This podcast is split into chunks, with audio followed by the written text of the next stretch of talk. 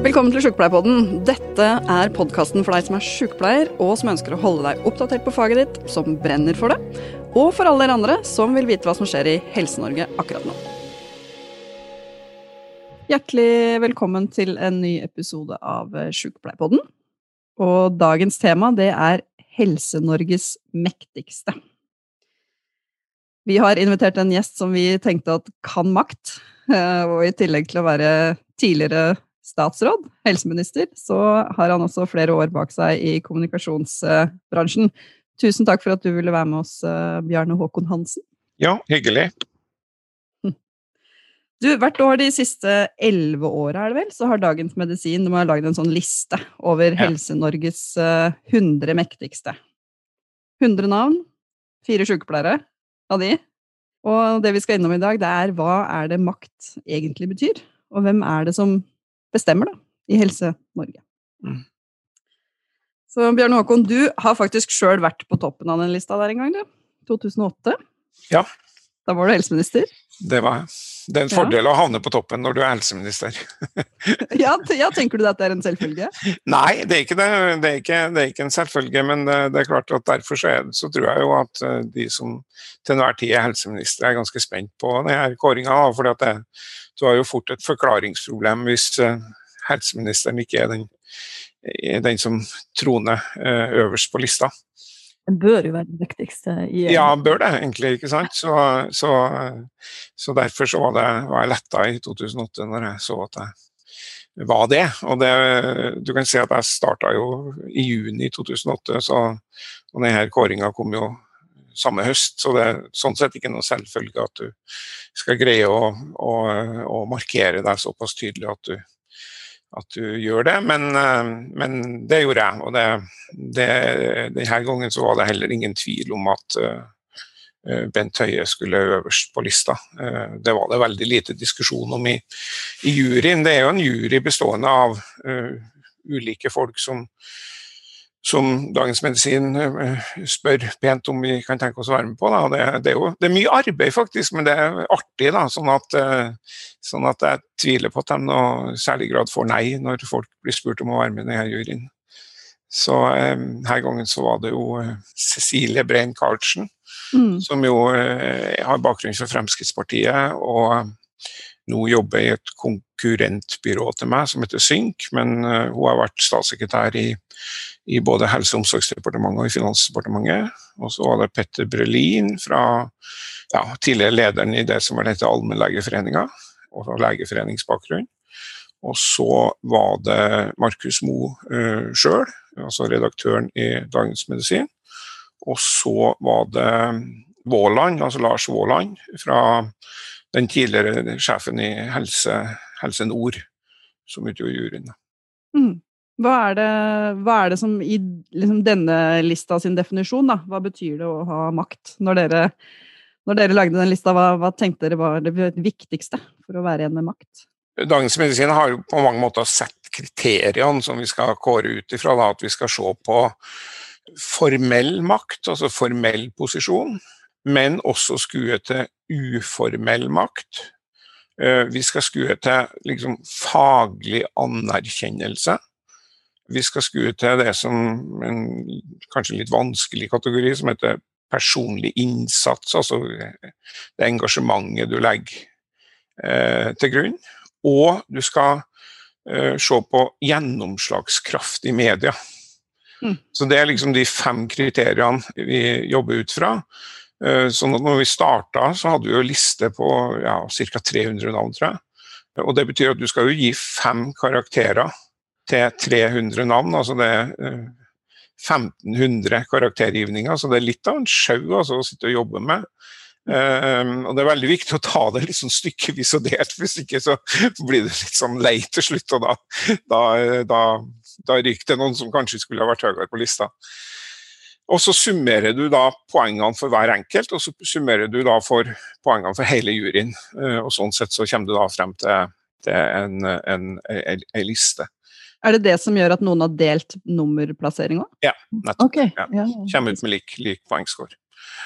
Jeg kjenner at jeg egentlig var ganske fornøyd med Jeg klarer ikke helt å huske om jeg var 26. Var det nummer 26 på den? Ja, noe sånt, ja. ja. Mm. Ja, det tror jeg også. Det ville jeg ha vært fornøyd med hvis jeg var deg. Altså, jeg tenker du, du, er jo forholdsvis ny fortsatt. Eh, sånn at eh, jeg tror man, For de fleste så er det jo sånn at det tar noe tid å, å, å etablere seg, men, men, men, jeg tenker at eh, det der var bra score, og du kan være godt fornøyd med det, tenker jeg.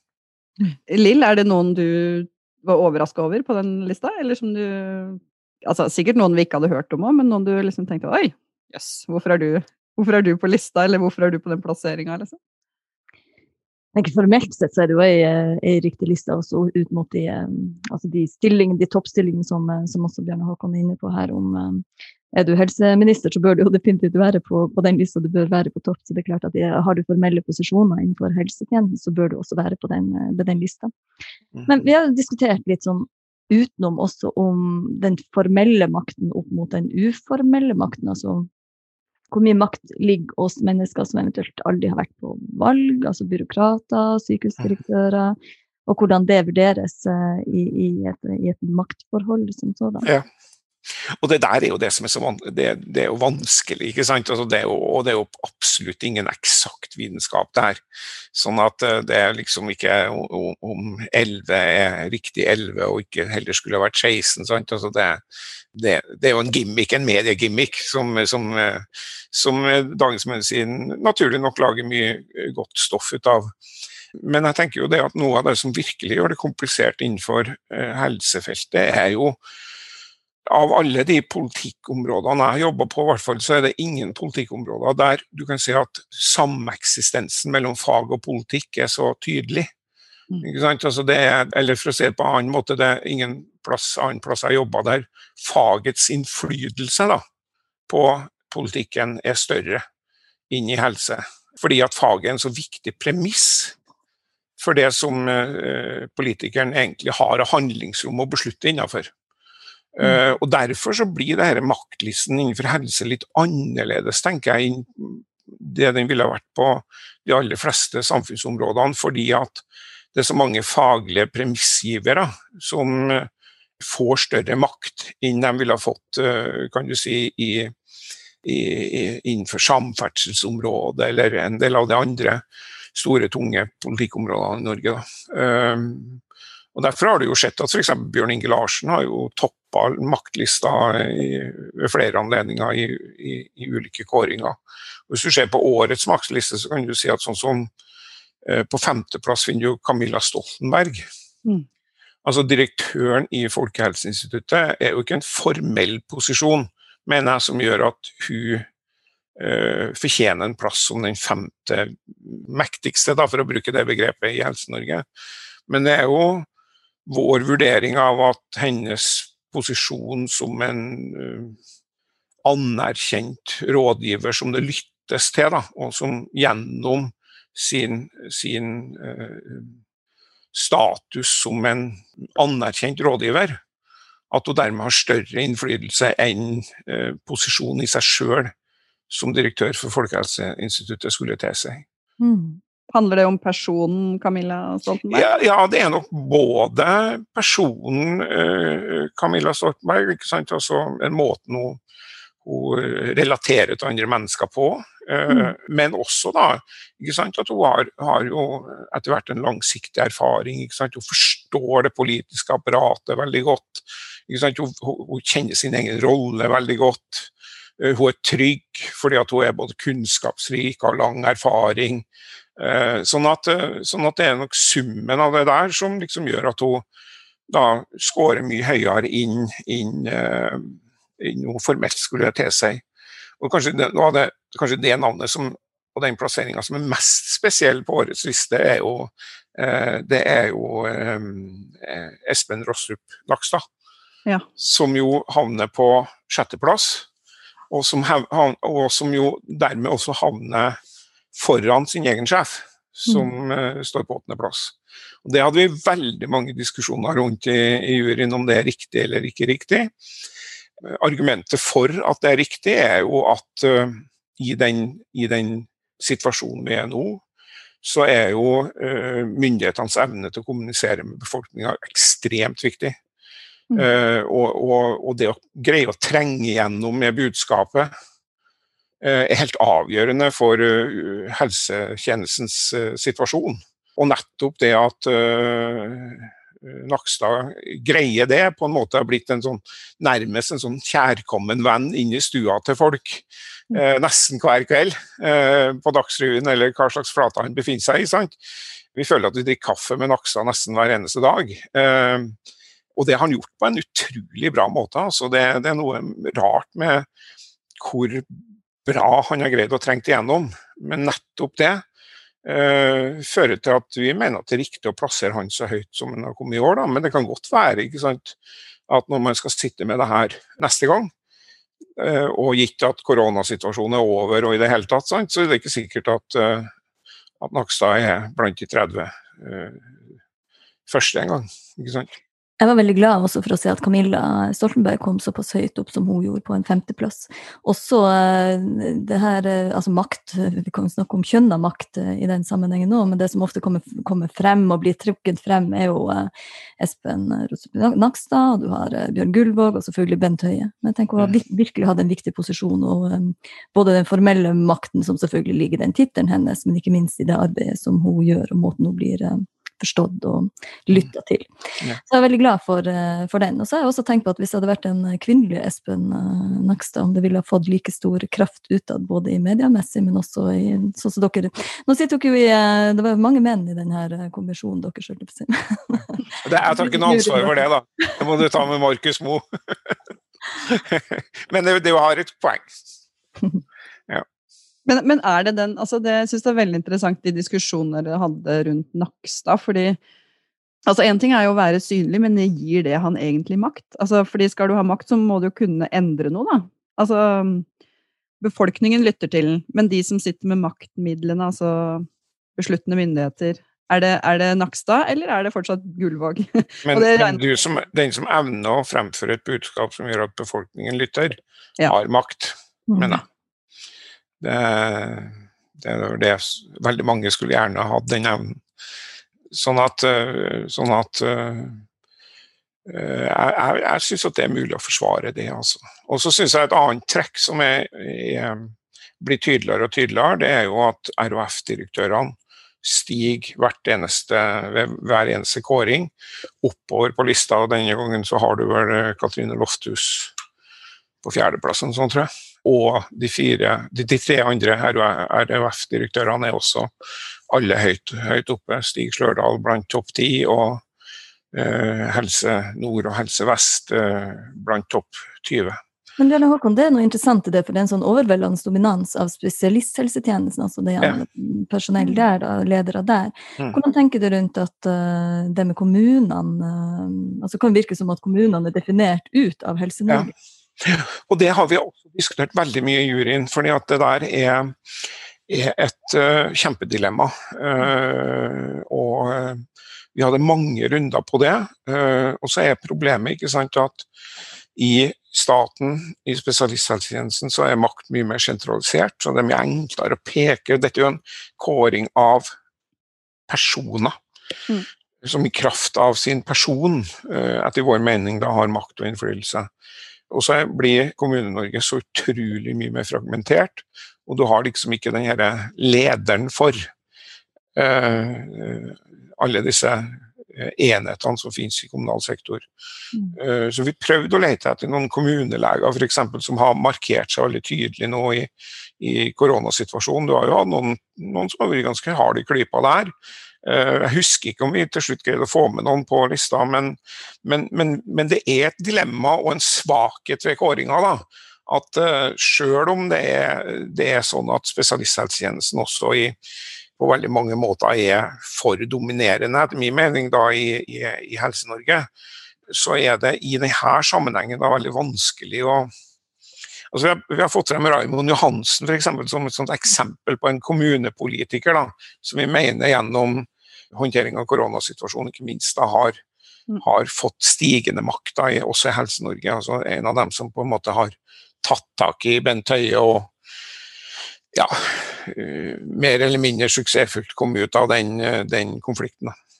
Mm. Ja, for han står på 20.-plass, og så står Robert Steen, som er byråd for eldre, helse, eldre og sosial, er det vel det heter i Oslo. Mm. Men de har jo vært tydelige uh, ute i media også. Jeg tror du kunne funnet noen i, eh, i nord også, noen, noen kommuneoverleger som har vært relativt tydelige her i nord. Ja da, det er sant det. Ja. Men, jeg- men jeg, jeg har ikke noe problem med å anerkjenne at, eh, at eh, det er en svakhet med lista, eh, at vi ikke har greid å finne en måte å håndtere det på da, som gjør at, at vi kanskje hadde noen flere navn fra kommunesektoren. Silje, Mm. kan du fortelle en litt artig historie om han nei, eh, Bjørn Inge Larsen? Ja, det må dere. Mitt første møte med han. Mm. Det var på fly fra Oslo til Bodø, tror jeg det var. Det var en, eh, en relativt eh, lang flytur. Det tar nå litt tid, i alle fall. Jeg var fryktelig trøtt. og Jeg satt med, med den her eh, mannen som jeg for så vidt la merke til, men ikke tenkte noe mer over. Jeg var veldig ny som, som forbundsleder i NSF. November-desember i fjor, akkurat valgt. Så istedenfor å prate med den her særlig spennende mannen som satt ved siden av meg, som jeg da etter hvert skjønte var en av eh, landets eh, mektigste innenfor helsetjeneste, helsevesenet i alle fall, så la jeg meg til å sove. Skjønner du? Som forbundsleder i Norsk Sykepleierforbund. Helt på slutten av den fly, flyturen der, så snakka han til meg, og så tenkte jeg ja, ok, men da, han visste hvem jeg var. Ja. Og så skulle vi da på samme plass. Vi skulle da i en uh, avslutning til uh, en heder av han eh, Lars Våland. Akkurat. Mm. Ja. Så det ble en veldig hyggelig taxitur da, og uh, en, en kveld for så vidt i lag med, i lag med han. da. Men tenk det, poenget er at no- det er noe med at når man er ny også i en posisjon, så er det ikke nødvendigvis gitt at man kjenner til alle de personene som er i et maktnettverk, hvis man skulle si det på den måten. Nei da, det, det er sant. Du, Lill, nå trodde jeg faktisk at du skulle fortelle den historien om at dere har samme far. Fordi det sa jo han på det siste møtet vi var i. Uh, med han så kunne han introdusere starte med å si at det var veldig hyggelig at uh, Lill Sverresdatter Larsen kommer uh, til å møte meg, for jeg har jo en far som heter Sverre og heter Larsen og er fra Tromsø.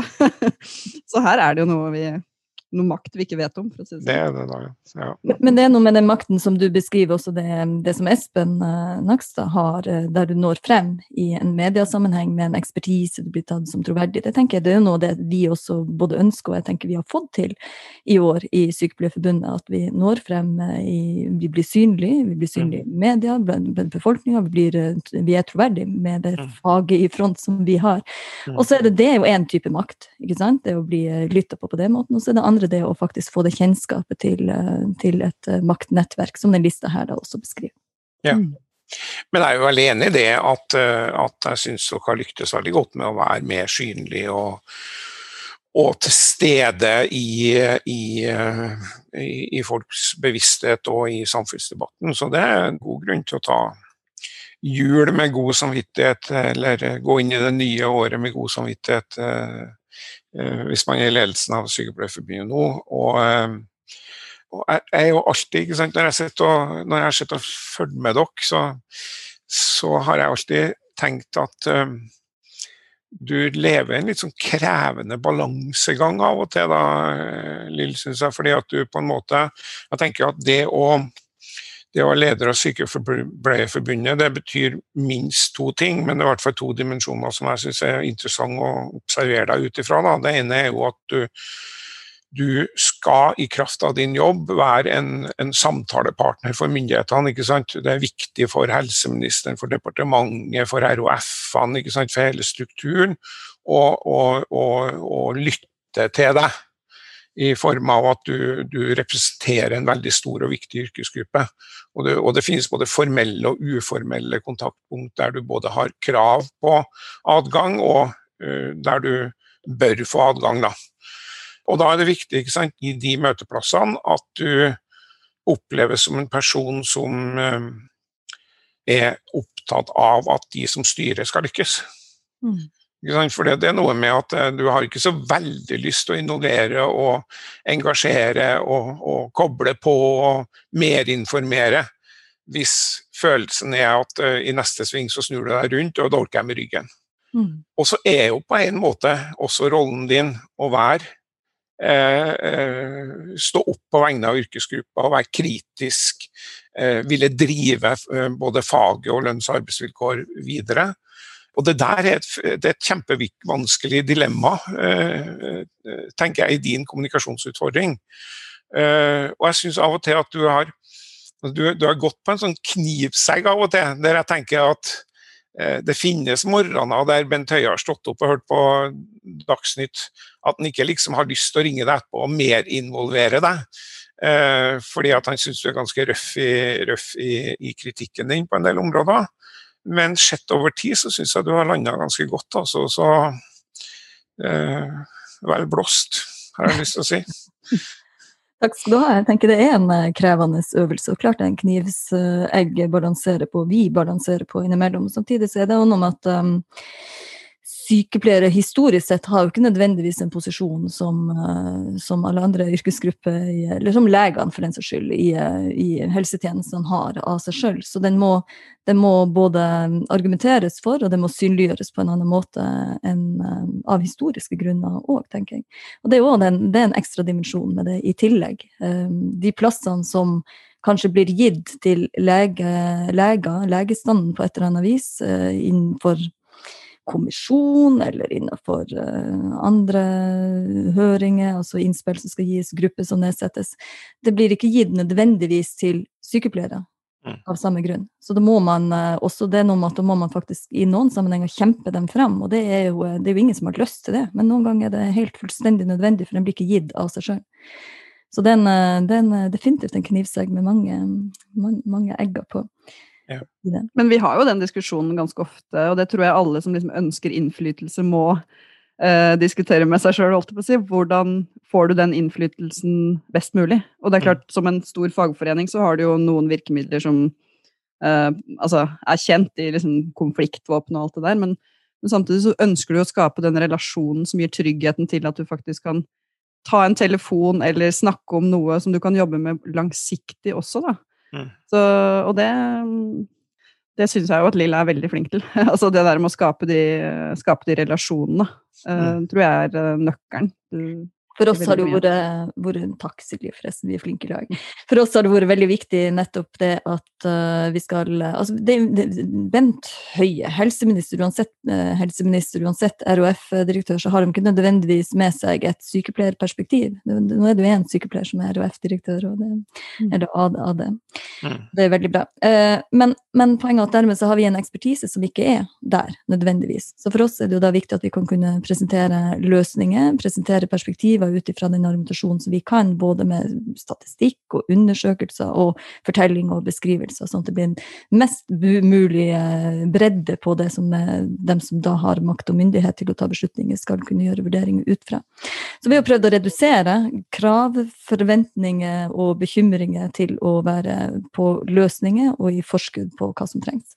Mm. Og det er jo ikke bestandig det er enkelt, selvfølgelig. Nei. Jeg har jo veldig mange kunder som jobber med helt andre ting enn helse og, og alle mulige slags myndighetsspørsmål som jeg ofte jobber med. Da. Og Det er jo også ofte for meg et sånt dilemma om hvordan jeg skal rådgi kunden til å gå frem for å få gjennomslag. Uh, og, er, og, veldig ofte så går jo det i det samme dilemmaet om man skal på en måte gå aktivt ut med kritikk, eller om man skal jobbe innenfor systemet for å prøve å skape rom for endring. Og nesten uten unntak er jo mitt råd alltid å begynne med det siste. da. Eh, at det er viktig å bygge tillit og bygge en posisjon som gjør at du kan få lyst til i samarbeid med dem som styrer, istedenfor å prøve å tvinge dem til å endre noe som de helst ikke har forstått eller vil endre. Eh, men det er klart at for medlemmer og for, for ansatte og virksomheter, så er, ofte, så er, det ofte, de lederne som er mest synlig kritiske i media. Eh, som man tror jobber best. Men det kan være den lederen eller de virksomhetene som er best til å jobbe medstrøms, som egentlig er eh, de som får til mest. Og det, og, det, og det, dilemmaet står du jo veldig oppi, for du må jo også være synlig, synlig, for medlemmene dine. Og det der jeg mener, det er litt avhengig også av hvordan posisjon du har fra før, hvordan posisjon sykepleiere har mot uh, ja leger, f.eks. i en historisk sammenheng, men også sånn som NHO, f.eks., som mm. har en helt annen, og LO, som kan LO-sjef, som også kan sies å ha en annen posisjon historisk. Mm. Mm. mm.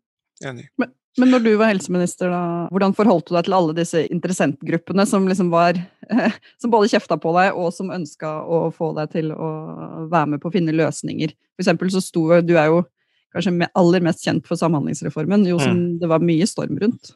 Mm. Fikk du med deg profesjonsorganisasjonene på de tankene også?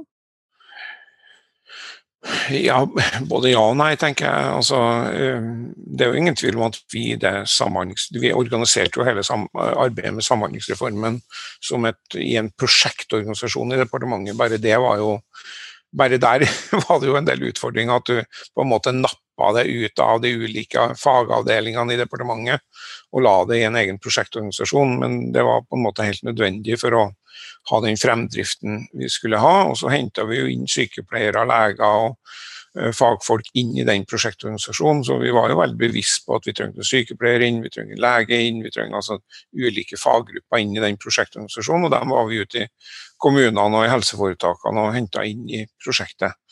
Uh, og vi la i og for seg stor vekt også på å ha sånn formelle møte, møtepunkt. Uh, mange arenaer der vi kunne snakkes, snakkes i lag. Uh, men, men, min utfordring var jo den gangen også at sant, når du starter i juni 2008, og så skal du legge frem en stortingsmelding i juni 2009, og det var en stor, om en idé i Helse-Norge som ingen hadde hørt om før i juni 2008 så var tempoutfordringene veldig store. Altså det, å, det å lage en sånn stortingsmelding, altså masse sånn form, formellprosesser som du skal gjennom sant, med regjeringsnotat og klarering i Finansdepartementet og Kommunaldepartementet og Fandens Sånn at, eh, sånn at eh, det er nok ikke noe tvil om at dialogen eh, kunne ha vært bedre med mange miljø enn det vi rent praktisk fikk til. Ja. ja hvor lenge var du helseminister? Nei, jeg var jo i, i 16-17 måneder. Sånn. Jeg starta i juni 2008 og slutta i oktober 2009. Ja, må, det er jo helt, eh, Jeg liksom tenker på at du var der mye lenger, og det har jo sikkert sammenheng med at du er en sånn veldig dur da, som bare gjør ting. og, ja, og Samhandlingsreformen den er jo virkelig en av de store reformene i Helse-Norge i uh, nyere tid, nesten, vil jeg si. Ja, altså, jeg, jeg føler jo på mange måter at uh, Altså, jeg er helt sikker på at ideologien, altså tenkinga i Samhandlingsreformen, er helt riktig. Og, jeg, og, folk spør meg er du lei deg over at du ikke er kommet lenger. eller noen sånne ting. Eh, altså jeg, at, at jeg, jeg, jeg, bare tenker at jeg, jeg vet jeg kommer til å få rett. så, så, på et tidspunkt så vil, jeg, så vil man måtte gjøre det som Samhandlingsreformen beskriver. Hvis ikke vil systemet kollapse. Men det er akkurat det, intensjonene er jo der, det som ligger der er jo riktig. altså Tankegods er jo riktig, og så er det noe med tema som er nødt til å bygges, som ikke, ikke Nettopp. Nettopp. ikke sant? Så med en gang du da uh, skal gå videre til tiltakene for å gjennomføre det, så syns jeg at ting ikke har gått så veldig bra. Uh, men uh, Da går det tregt? Ja, det går veldig tregt, altså. Det gjør det som sykepleier så venter vi jo på faktisk det at man får eh, tiltak som er knytta til Samhandlingsreformen, sånn at du får overført reelle midler også fra sykehus til kommunene. og ikke bare Nettopp. Ja. Og det er, jo det, det det, der du kan si at jeg på mange måter, altså du kan si at er eh, tematikken rundt kommunal medfinansiering som jeg var ekstremt opptatt av. da, Det er at, eh, at jeg tenker at at det er ikke sikkert at den modellen vi kom opp med eh, for kommunal medfinansiering i Nå var det jo delvis jeg som skisserte det i stortingsmeldinga, og så var det jo Anne Grete Strøm Eriksen som gjennomførte en variant av det etter at hun tok over etter meg. Eh, men det, det er slett ikke sikkert at det, den modellen vi beskrev, er den riktige modellen, med at du kan si at den at, eh, at, man på en måte tar deler av sykehusbudsjettet over i kommunen, og så må kommunen betale deler av, av, av regninga i sykehuset. Det var jo tenkinga. Eh, det er ikke sikkert at den er riktig, men det som er viktig, da, det er at hvis du skal ta bort den, så må du erstatte den med noe annet. Du kan ikke bare fjerne den. Mm. Eh, fordi at Det som er problemet i dag, det er jo at uh, i dag, som det var i 2009, nei, 2000, ja, 2009 det er jo at man kan ønske det, ville det, tenke det, men det skjer ikke fordi at du har ikke de økonomiske insentivordningene på plass. Og uten at det lønner seg å gjøre det rette, så får du ikke gjort det rette.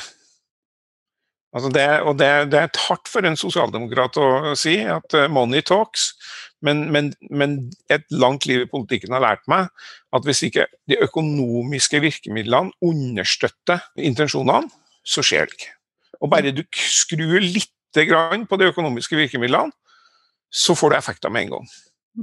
Eh, vil, du, for eksempel, vil du ha opp produksjon på sykehusene av en eller annen type behandling, så er det bare å justere litt på, på DRG-koder og, og, andel innsatsstyrt finansiering versus rammefinansiering, så skjer jo ting med en gang. Uh, ja. Du legger den jo veldig fint opp til oss her. Eh, betyr det at når du da har mangel på sykepleiere, altså hvis du bare skrur litt opp på lønna, så vil, eh, vil det ordne seg? Ja, Det er i hvert fall ikke noe tvil om at lønn er en del av det. Ikke sant? Altså, det, jeg elsker jobben min, jeg syns det er kjempeartig å gå på jobb, men har ikke fått lønn, så jeg har ikke uh, møtt opp i morgen. Så det, det, vi må jo, altså det er helt naivt å si at ikke lønn er en del av det her bildet. Så, så er jo helt sikker på at når vi ser på, på de, de, behovene vi har for uh, flere sykepleiere i, på kort tid fremover, så er det noe som, som kommer til å få overslag på, på lønnsdannelsen. Mm. Men dette henger jo sammen med det vi snakka om eh, helt innledningsvis, om at det var få fra kommunehelsetjenesten på denne lista. Ikke sant? Og En ting er jo de økonomiske insentivene som du snakker om, jeg er helt enig. Det, det betyr noe, åpenbart. Eh, men også det at uh, helseministeren, da, eller uh, sentrale myndigheter, sitter på ganske få virkemidler overfor kommunene. Vi, jo, vi, er jo opptatt av at det skal være kommunalt selvstyre, ikke sant? og de prioriterer innenfor sine budsjetter. Og det ser jo vi gang på gang på gang, at det er utrolig vanskelig for kommunene å gjøre de riktige prioriteringene innenfor helse og omsorg, fordi de har så mange andre gode ting som de skal prioritere innenfor et rimelig knapt sånn kommunalt budsjett. Ja. Det, det, er vi bekymra for, rett og slett, og det bruker vi mye tid på å løfte den diskusjonen. Ja, og verre skal det bli, ikke sant? Altså, verre skal det bli. Ja. Mm.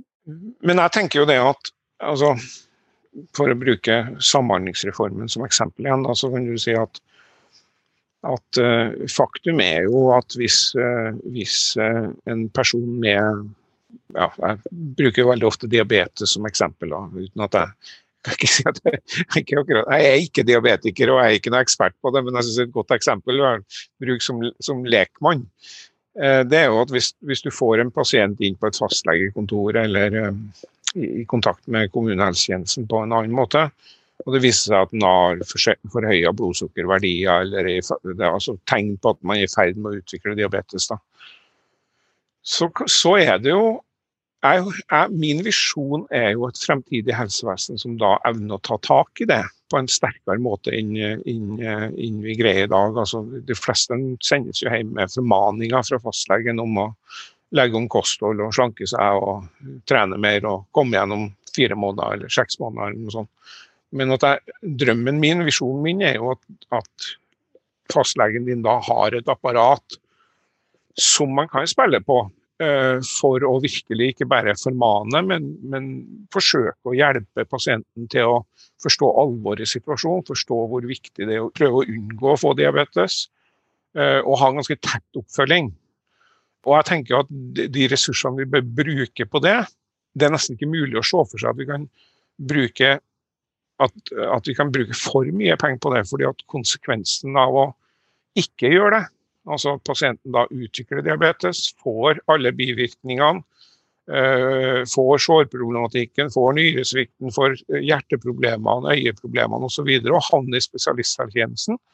Det er et kostnadsbilde som er mye, mye høyere inn å tilrettelegge for å forsøke at noen av dem unngår å utvikle sykdommen. Uh, og jeg er helt sikker på at det er en, en, en riktig faglig beskrivelse av uh, utfordringsbildet. Men når du følger økonomien, da, så ser du jo at uh, hvis kommunen gjør det som man kunne ha gjort, så er det utelukkende kostnader for kommunen, og så er det en besparelse for staten. Fordi at pasienten ikke utvikler alvorlig sykdom.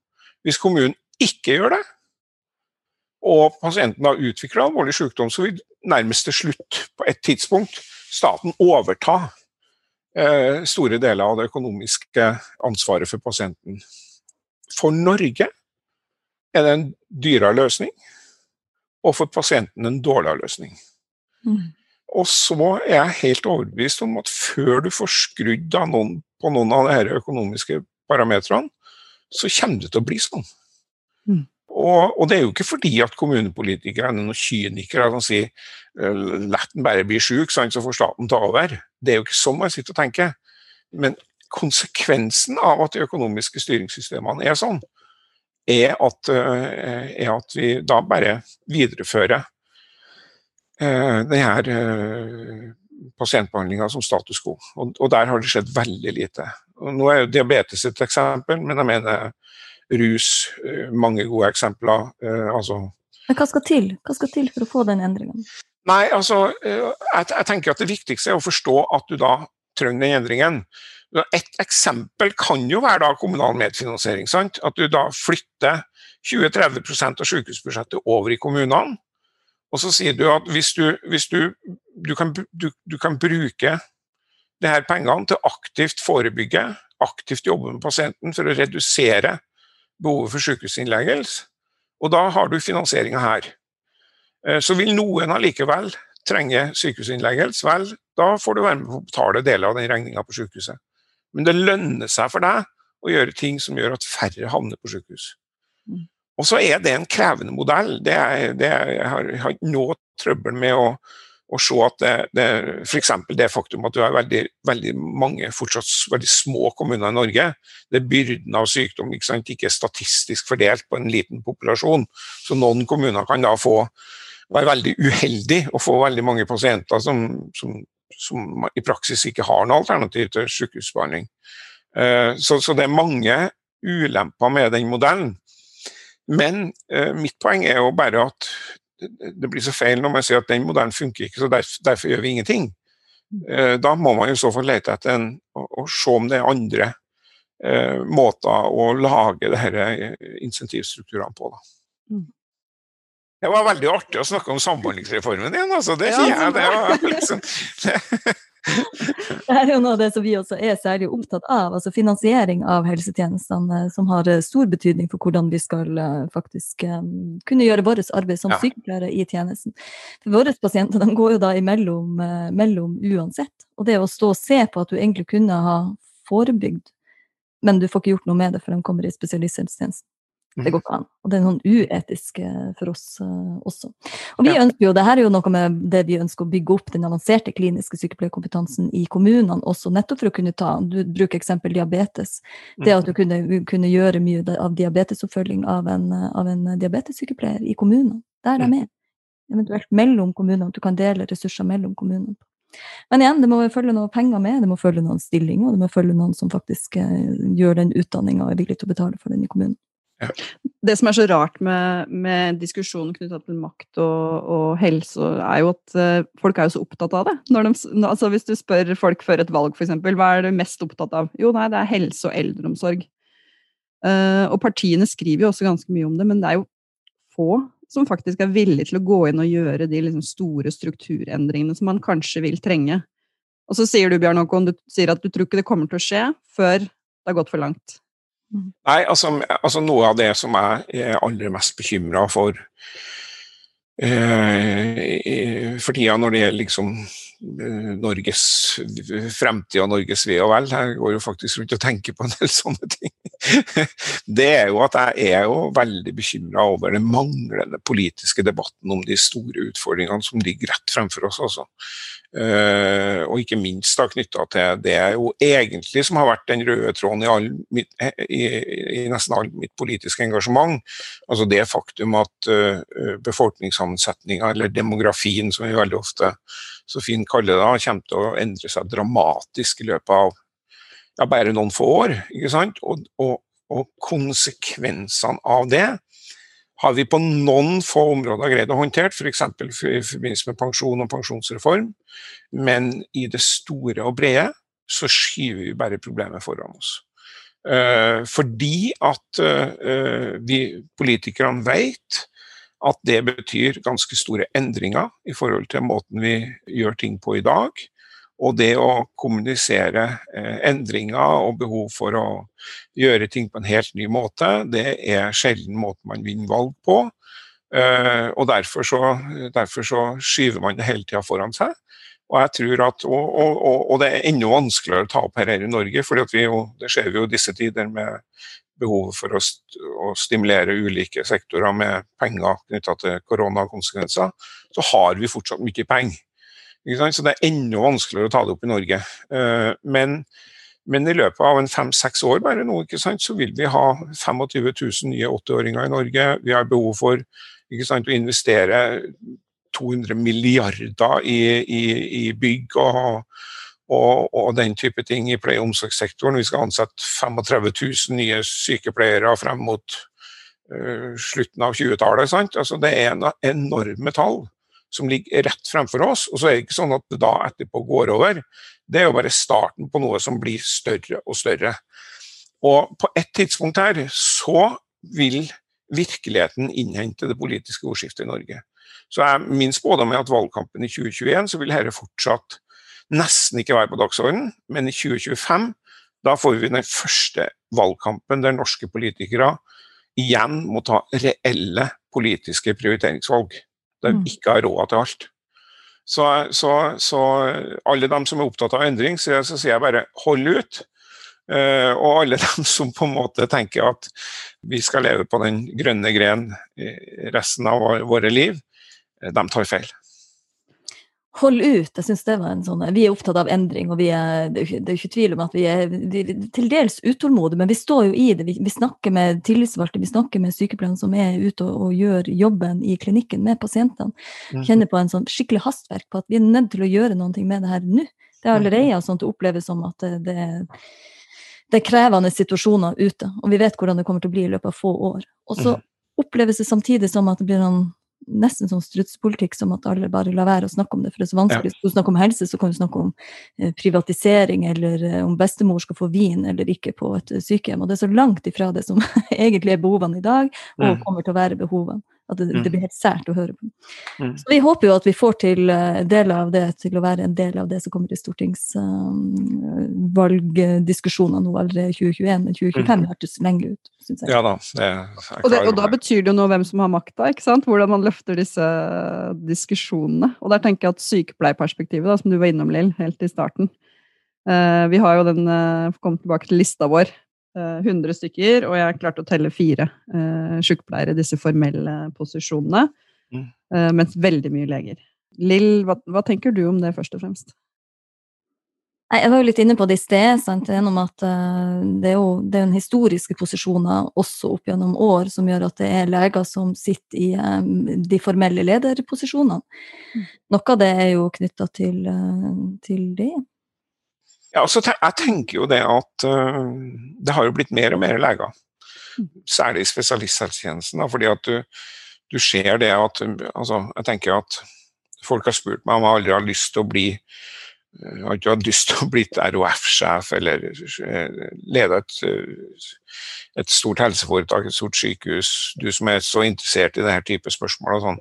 Så sier jeg at nei, vet du, så full, så, så full, er det ikke mulig å få meg at jeg vil ta, ta, på meg en sånn jobb. Og det er jo fordi at jeg tror at sant, jeg, eh, altså, profesjonene har fått en sånn posisjon eh, ikke minst gjelder legesida, tenker jeg, at, eh, at, at, det er nærmest ikke mulig å styre det uten å være en del av standen sjøl. Det, og det, jeg tenker jo at det var jo mye flere direktører tidligere som hadde en helt annen yrkesbakgrunn inn inn i dag. Det har jo gått feil vei.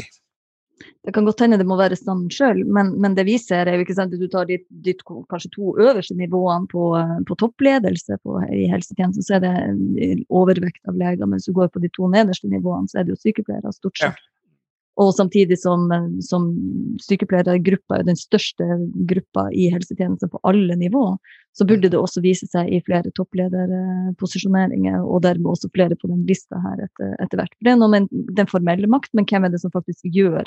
Skal du få til den endringa som er tenkt i, og som er helt nødvendig i helsetjenesten, så det, må du faktisk få med deg dem som er på de to laveste nivåene i leder, leder, altså i helse, ledere i helsetjenesten òg.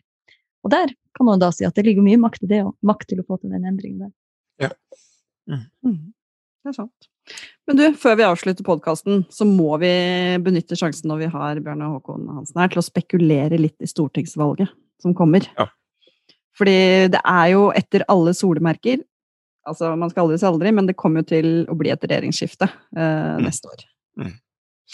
Ja, det, det er min analyse også, at uh, sånn som ting ser ut nå, så, så, uh, så kommer det til å bli et regjeringsskifte.